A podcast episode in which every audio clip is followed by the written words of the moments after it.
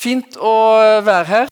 Eh, og så har jeg lyst til å bare først si eh, Dere er heldige som har en pastor som eh, har vett til å ta ut eh, studiepermisjon. Eh, og få lov til å trekke seg litt tilbake. Eh, ja Tenke, lese, søke Gud. jeg tror det er så sunt og så bra og så viktig.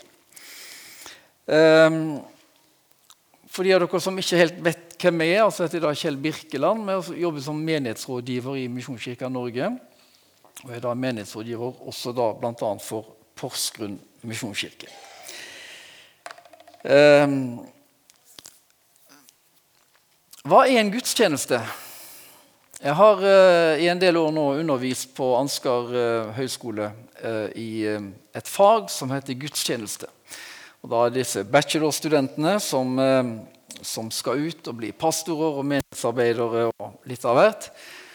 Um, og da begynner vi alltid med ja, men hva er en gudstjeneste? Dypest sett. For det er litt viktig å vite er det, hvorfor er vi sammen her. liksom? Hva er det som skjer? Er det, står jeg på en scene?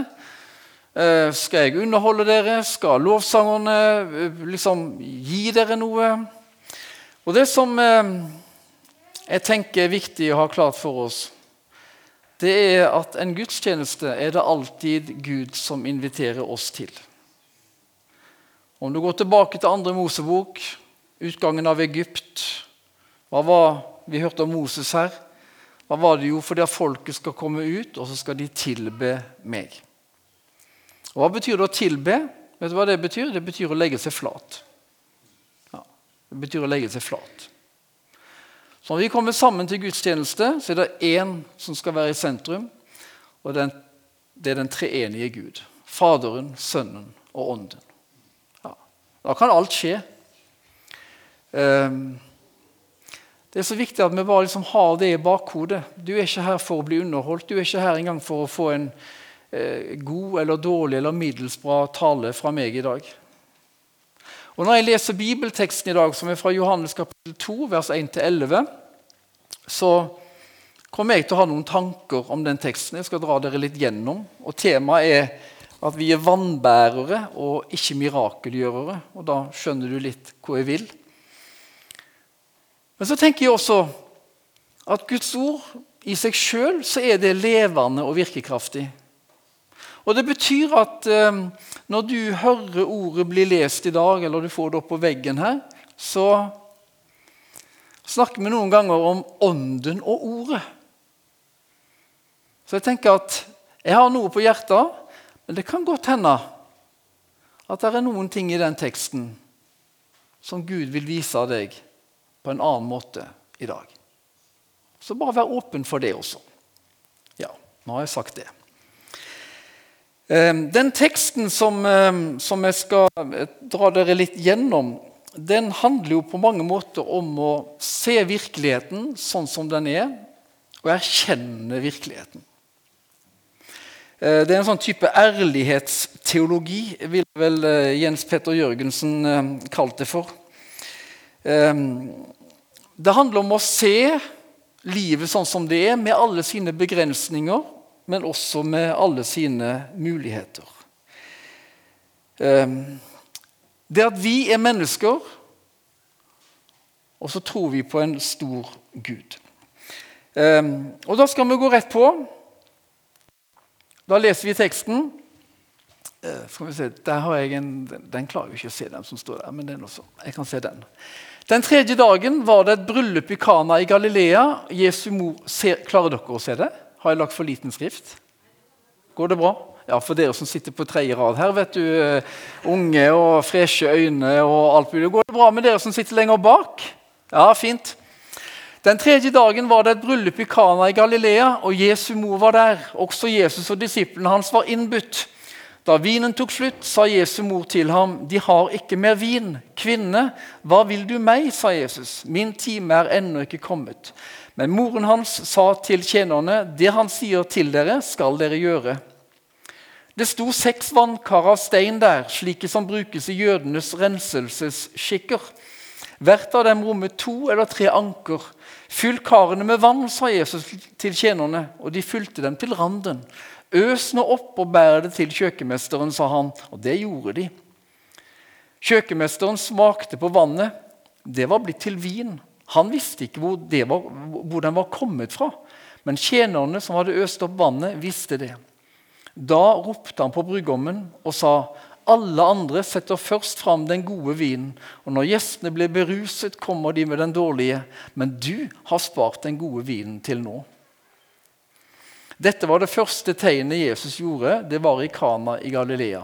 Han åpenbarte sin herlighet, og disiplene hans trodde på ham. Vi skal snakke om å være vannbærer. Men før det så er det noen andre ting i teksten her som jeg har lyst til å si noe om. Det første her det er Det møter oss veldig sånn pang med en gang da vinen tok slutt. Det er altså allerede i vers 3. Det, er liksom, det var et bryllup. Jesus og disiplene var invitert der. Og så er det liksom ingenting om Og der var det mye folk, og det var dans og sang og tjo og hei og alt sånt. Det var sånn Da vinen tok slutt. Sånn at Johannes ønsker liksom å sette fingeren med en gang på at her er det noe som tok slutt. Noe som var der, og som ikke lenger er der.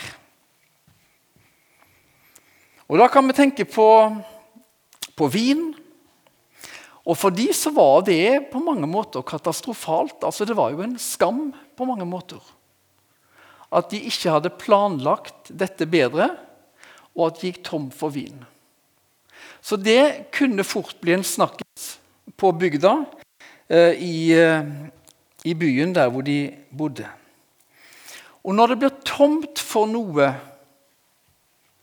så merker vi det. Fordi den gangen så var det vin. Men gjennom livet så er det jo sånn at vi jo mister ting. Det er noe vi har. Vi har en trygghet. Og så skjer det noe som gjør at vi har ikke den tryggheten lenger. Vi har god helse. Så skjer det noe som gjør at jeg har ikke lenger den gode helsa. Jeg har en jobb. Så kan jeg miste den jobben. Da vinen tok slutt, når noe tar slutt. Det kan være relasjoner. Relasjoner som er gode, som blir ødelagt da vinen tok slutt. Ehm, hva gjør en når noe tar slutt? Hva gjør en når ehm, livet endres?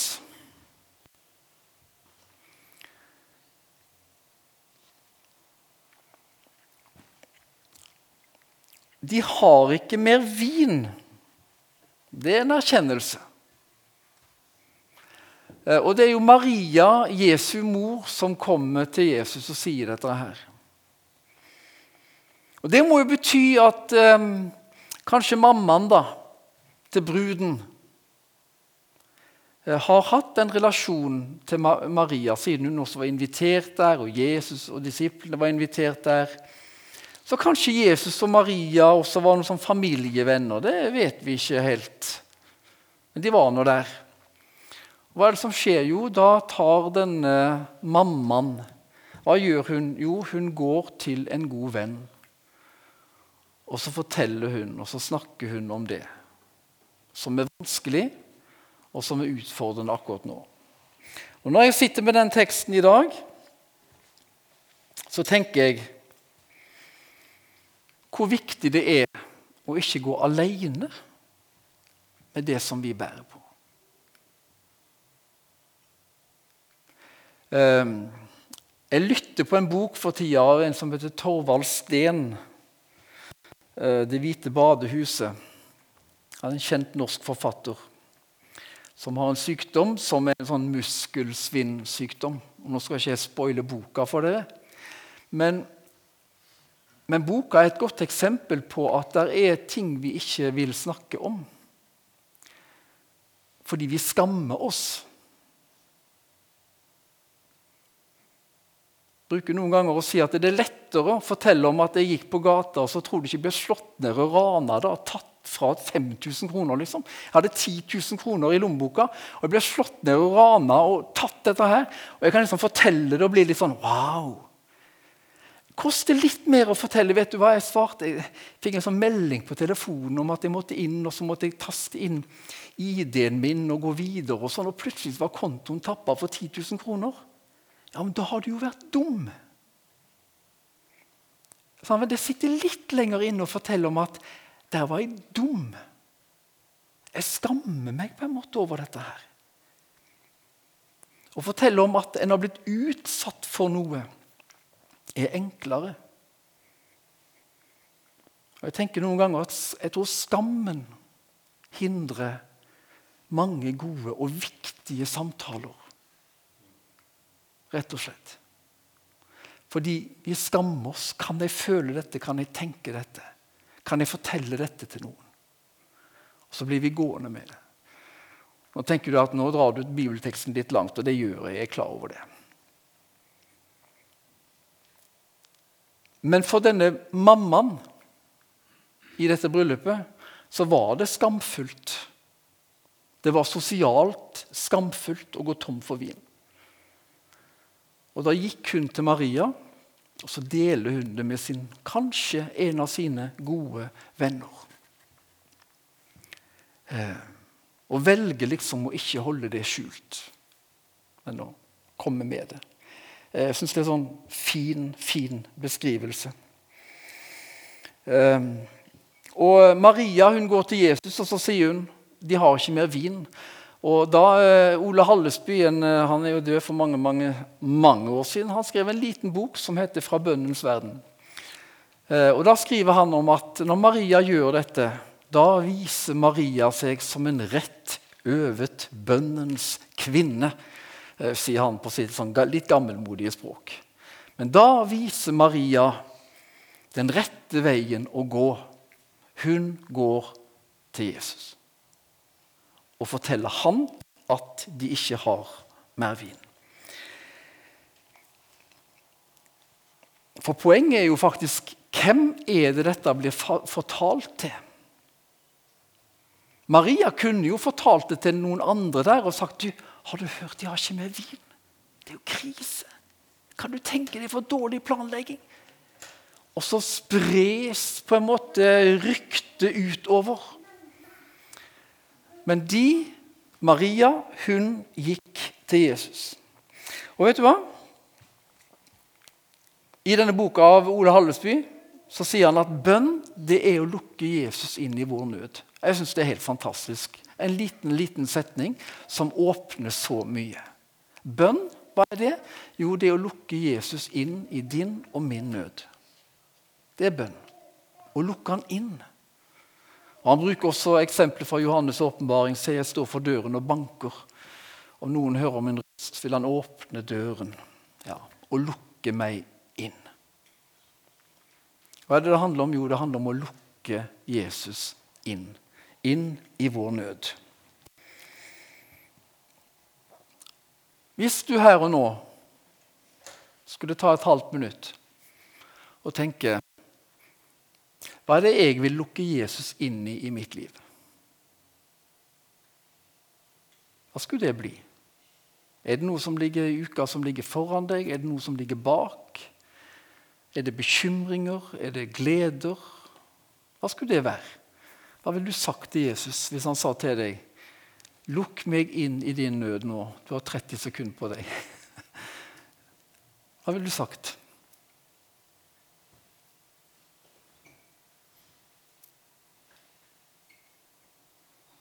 Det er noen som skal være tankeleser. Men det kan hende at du sitter jo faktisk akkurat den situasjonen jeg står i nå, eller akkurat det som skjedde der. Det trenger jeg å lukke Jesus inn i. Hvordan gjør jeg det? Jo, det handler egentlig bare veldig enkelt om å si Jesus, jeg lukker deg inn i dette. Du må si noe til meg rundt den situasjonen. Du må gi meg noen tanker rundt den situasjonen. Bønn er å lukke Jesus inn i vår nød. Og Så går vi videre i teksten. Det han sier til dere, skal dere gjøre. Vet, Det er jo interessant, for Maria hun eh, går jo til Jesus. da. De har ikke mer vin. Og så sier Jesus Iallfall kan vi lese det litt sånn. Hva har du med meg å gjøre, kvinne? Ja, det er jo litt eh... Hæ? Altså, Hadde jeg sagt det til kona mi, liksom? Kjell, kan du ta oppvasken? Hva har du med meg å gjøre, kvinne? Jeg er gift med deg. Ja, ok, jeg skal ta oppvasken. Fint. Men, men, men fakta talt er det altså Jesus virker litt hard ut her. men men saken er den at det var egentlig en respektfull tiltaleform. Så altså, Hva har du med meg å gjøre, kvinne? Ja, men jeg er faktisk din mor. Ja, Da er alt på plass. Um, og da sier Maria til tjenerne det han sier til dere, det skal dere gjøre. For en tro, tenker jeg. Um, du vet Noen Altså noen kvinner kan jo liksom ikke bare si hva som må gjøres, men også komme med masse forslag til hvordan ting skal gjøres. Jeg vet ikke om noen menn kjenner seg igjen i det? Nei? Nei? Dere tør, dere tør ikke å nikke? Ja, men det er helt, eh, helt fair, uh, det. Uh, men, men um, hun har en sånn Ja, men bare gjør det han sier dere skal gjøre. Hun kunne begynt å ordne og styre og hente kar. Og, og, og, på en måte, 'Nå må vi fikse opp, her, Jesus.' Og 'du og meg, vet du, Jesus.' Og, og, sånn. 'Jeg gjør dette, så gjør du det.' Og så Nei. Bare det han sier til dere, det skal dere gjøre. Det er uttrykk for å tro, det. Da er den saken lagt i Guds hender. Og Maria vet ingenting om hva som skal skje. Og Ole Hallesby igjen til denne boka, han bruker nettopp det bryllupet i Kanaan som eksempel på de veldig vanskelige bønnene. De bønnene som føles helt umulige ut at kan skje. Gjør det som han ber dere om å gjøre, og så rettes troa mot Kristus. Um, og så tar jo han uh, ordet, da, så sier han 'fyll de karene med vann', sier han. Fyll de karene med vann. Og så sto det seks sånne renselseskar der. Um,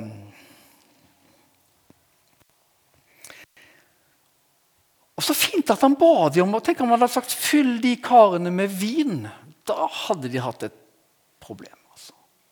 Ja, men det er jo vin vi mangler, Jesus. Altså, eh, det er jo det vi ikke har. Men vann det hadde de.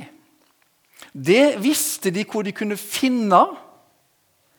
Så han ber de egentlig om å gjøre noe som er innenfor rekkevidde av det de kan gjøre.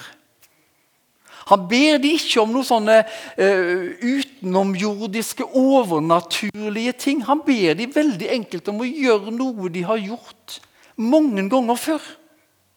Og det er å bære vann. Så fyll de karene med vann, sier han. Men det betyr ikke at det var en enkel jobb.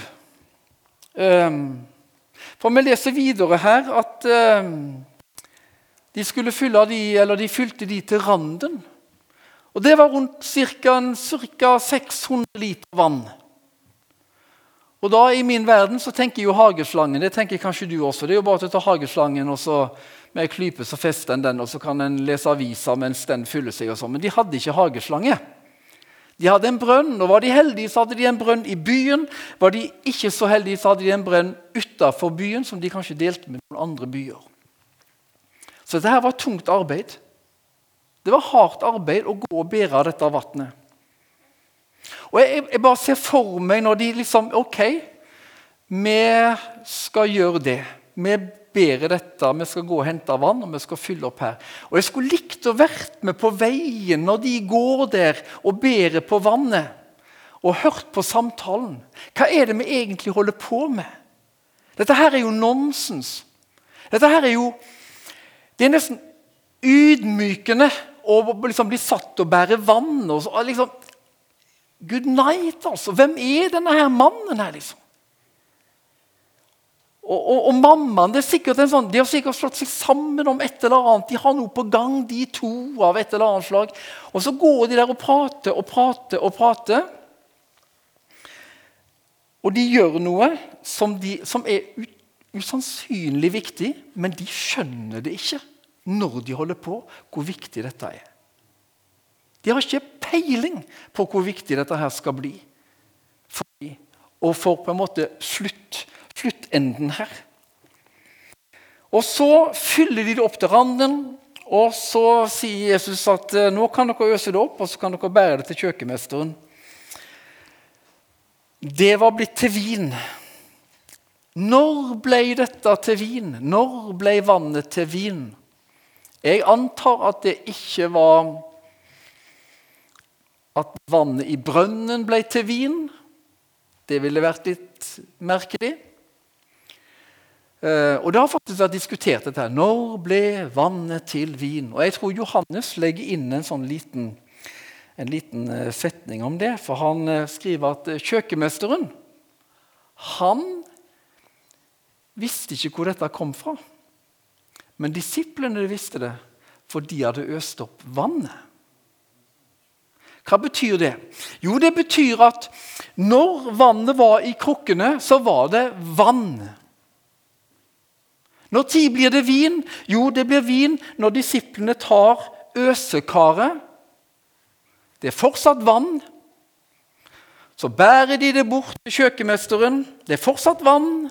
Det er fortsatt vann, det er fortsatt vann.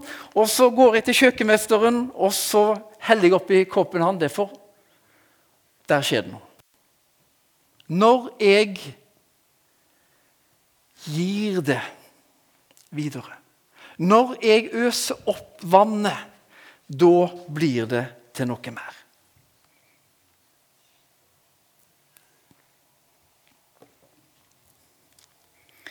Vi er vannbærere. Når jeg ser utover her, så ser jeg mange vannbærere. Og mange av dere har båret vann i mange år.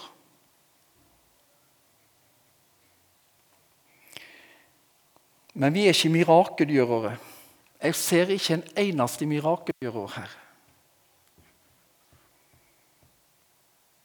Men jeg ser en drøss og en mengde med vannbærere. Og Noen av dere har båret vann i denne menigheten i mange mange år. I barnearbeid, i ungdomsarbeid, med praktiske ting, med gudstjenestearbeid, med alt som på en måte skal gjøres i en menighet. Jeg har såpass mange års erfaring fra menighetsarbeid at jeg vet at det er flest hverdager Jens Stoltenberg skriver om det i boka si. Han har eh, skrevet en bok, og så sier han at i politikken så er det flest hverdager. Det skulle en ikke tro når en leser avisene, men, men det er flest hverdager. Og det er flest hverdager også i menighetslivet. Vi er med, vi bidrar inn.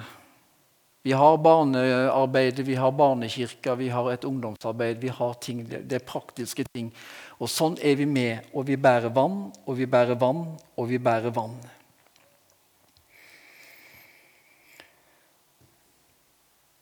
Og kanskje har du noen i din nærhet som kjenner på tap, som kjenner på sorg, som kjenner på at det er noe jeg hadde som har blitt borte.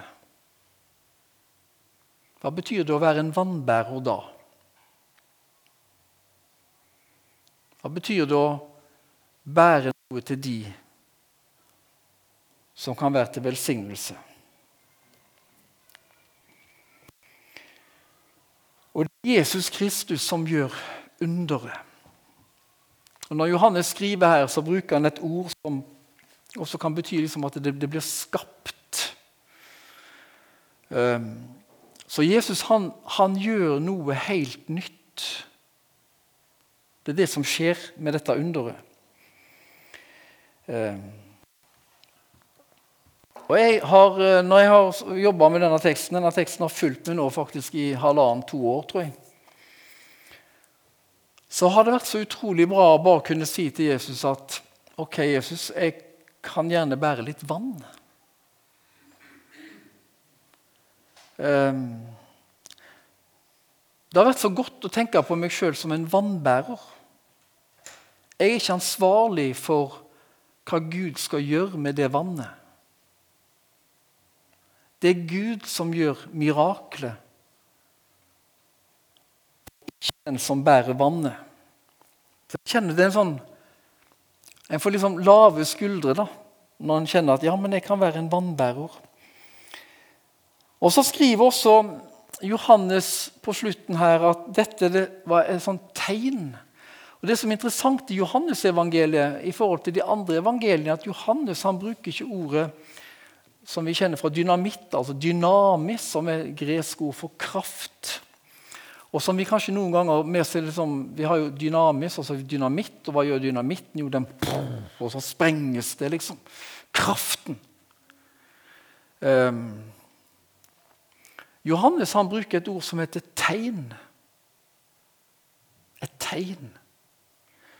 Og Hvis du går inn i Det gamle testamentet og ser hvordan det ordet er brukt der, så ser du at det handler om hvordan Gud stadfester profetenes ord. Men det er et litt mer lavmælt ord. Og Jeg kjenner meg veldig sånn hjemme i det også. Det var et tegn. Et tegn på at Guds rike er kommet nær. Det handler ikke om eksplosjoner og, og, og, og, sånne voldsomme ting. Men det er noe med at Guds rike er kommet nær. Og Vi snakker noen ganger om at vi lever i spenningen mellom et allerede og et enda ikke. Guds rike er kommet. Når Jesus Kristus kom, så sier han hvis jeg gjør disse tegnene, så er det fordi at Guds rike er kommet til dere iblant dere. Og så venter vi samtidig på at Guds rike skal fullendes. Og der er vi ikke nå. Og i den spenningen lever vi. Og Derfor så ser vi både Guds mirakuløse inngripen noen ganger når vi ber for mennesker. Og så har jeg også vært med og bedt for mennesker som jeg har også fulgt til grava. Vi lever i den spenningen. Men midt oppi alt dette så kaller Gud deg og meg til å være vannbærere. Og så er det han som er ansvarlig for det som måtte skje og skulle skje. Så du kan få lov til å være en vannbærer.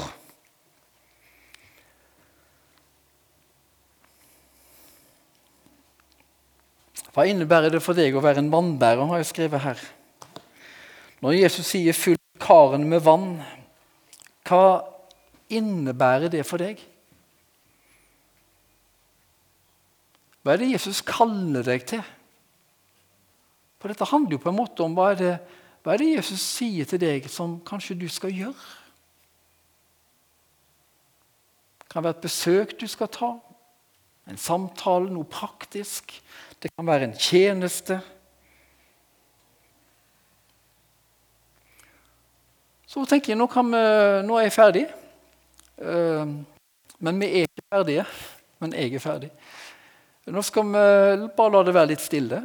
Uh, der er en sånn uh, For det er nå vi skal bruke den. Ja, bønneglobe. Og så er det også en forbønnskrok der.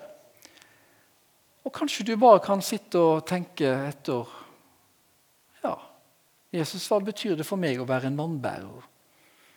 Hva er det jeg bærer som, hva er det jeg gjør i dag som er å være en vannbærer? Hva er det du eventuelt skulle kalle meg til, Jesus? Hva er det du eventuelt skulle invitere meg inn i nå? Som handler om å, å bære vann og ta et steg.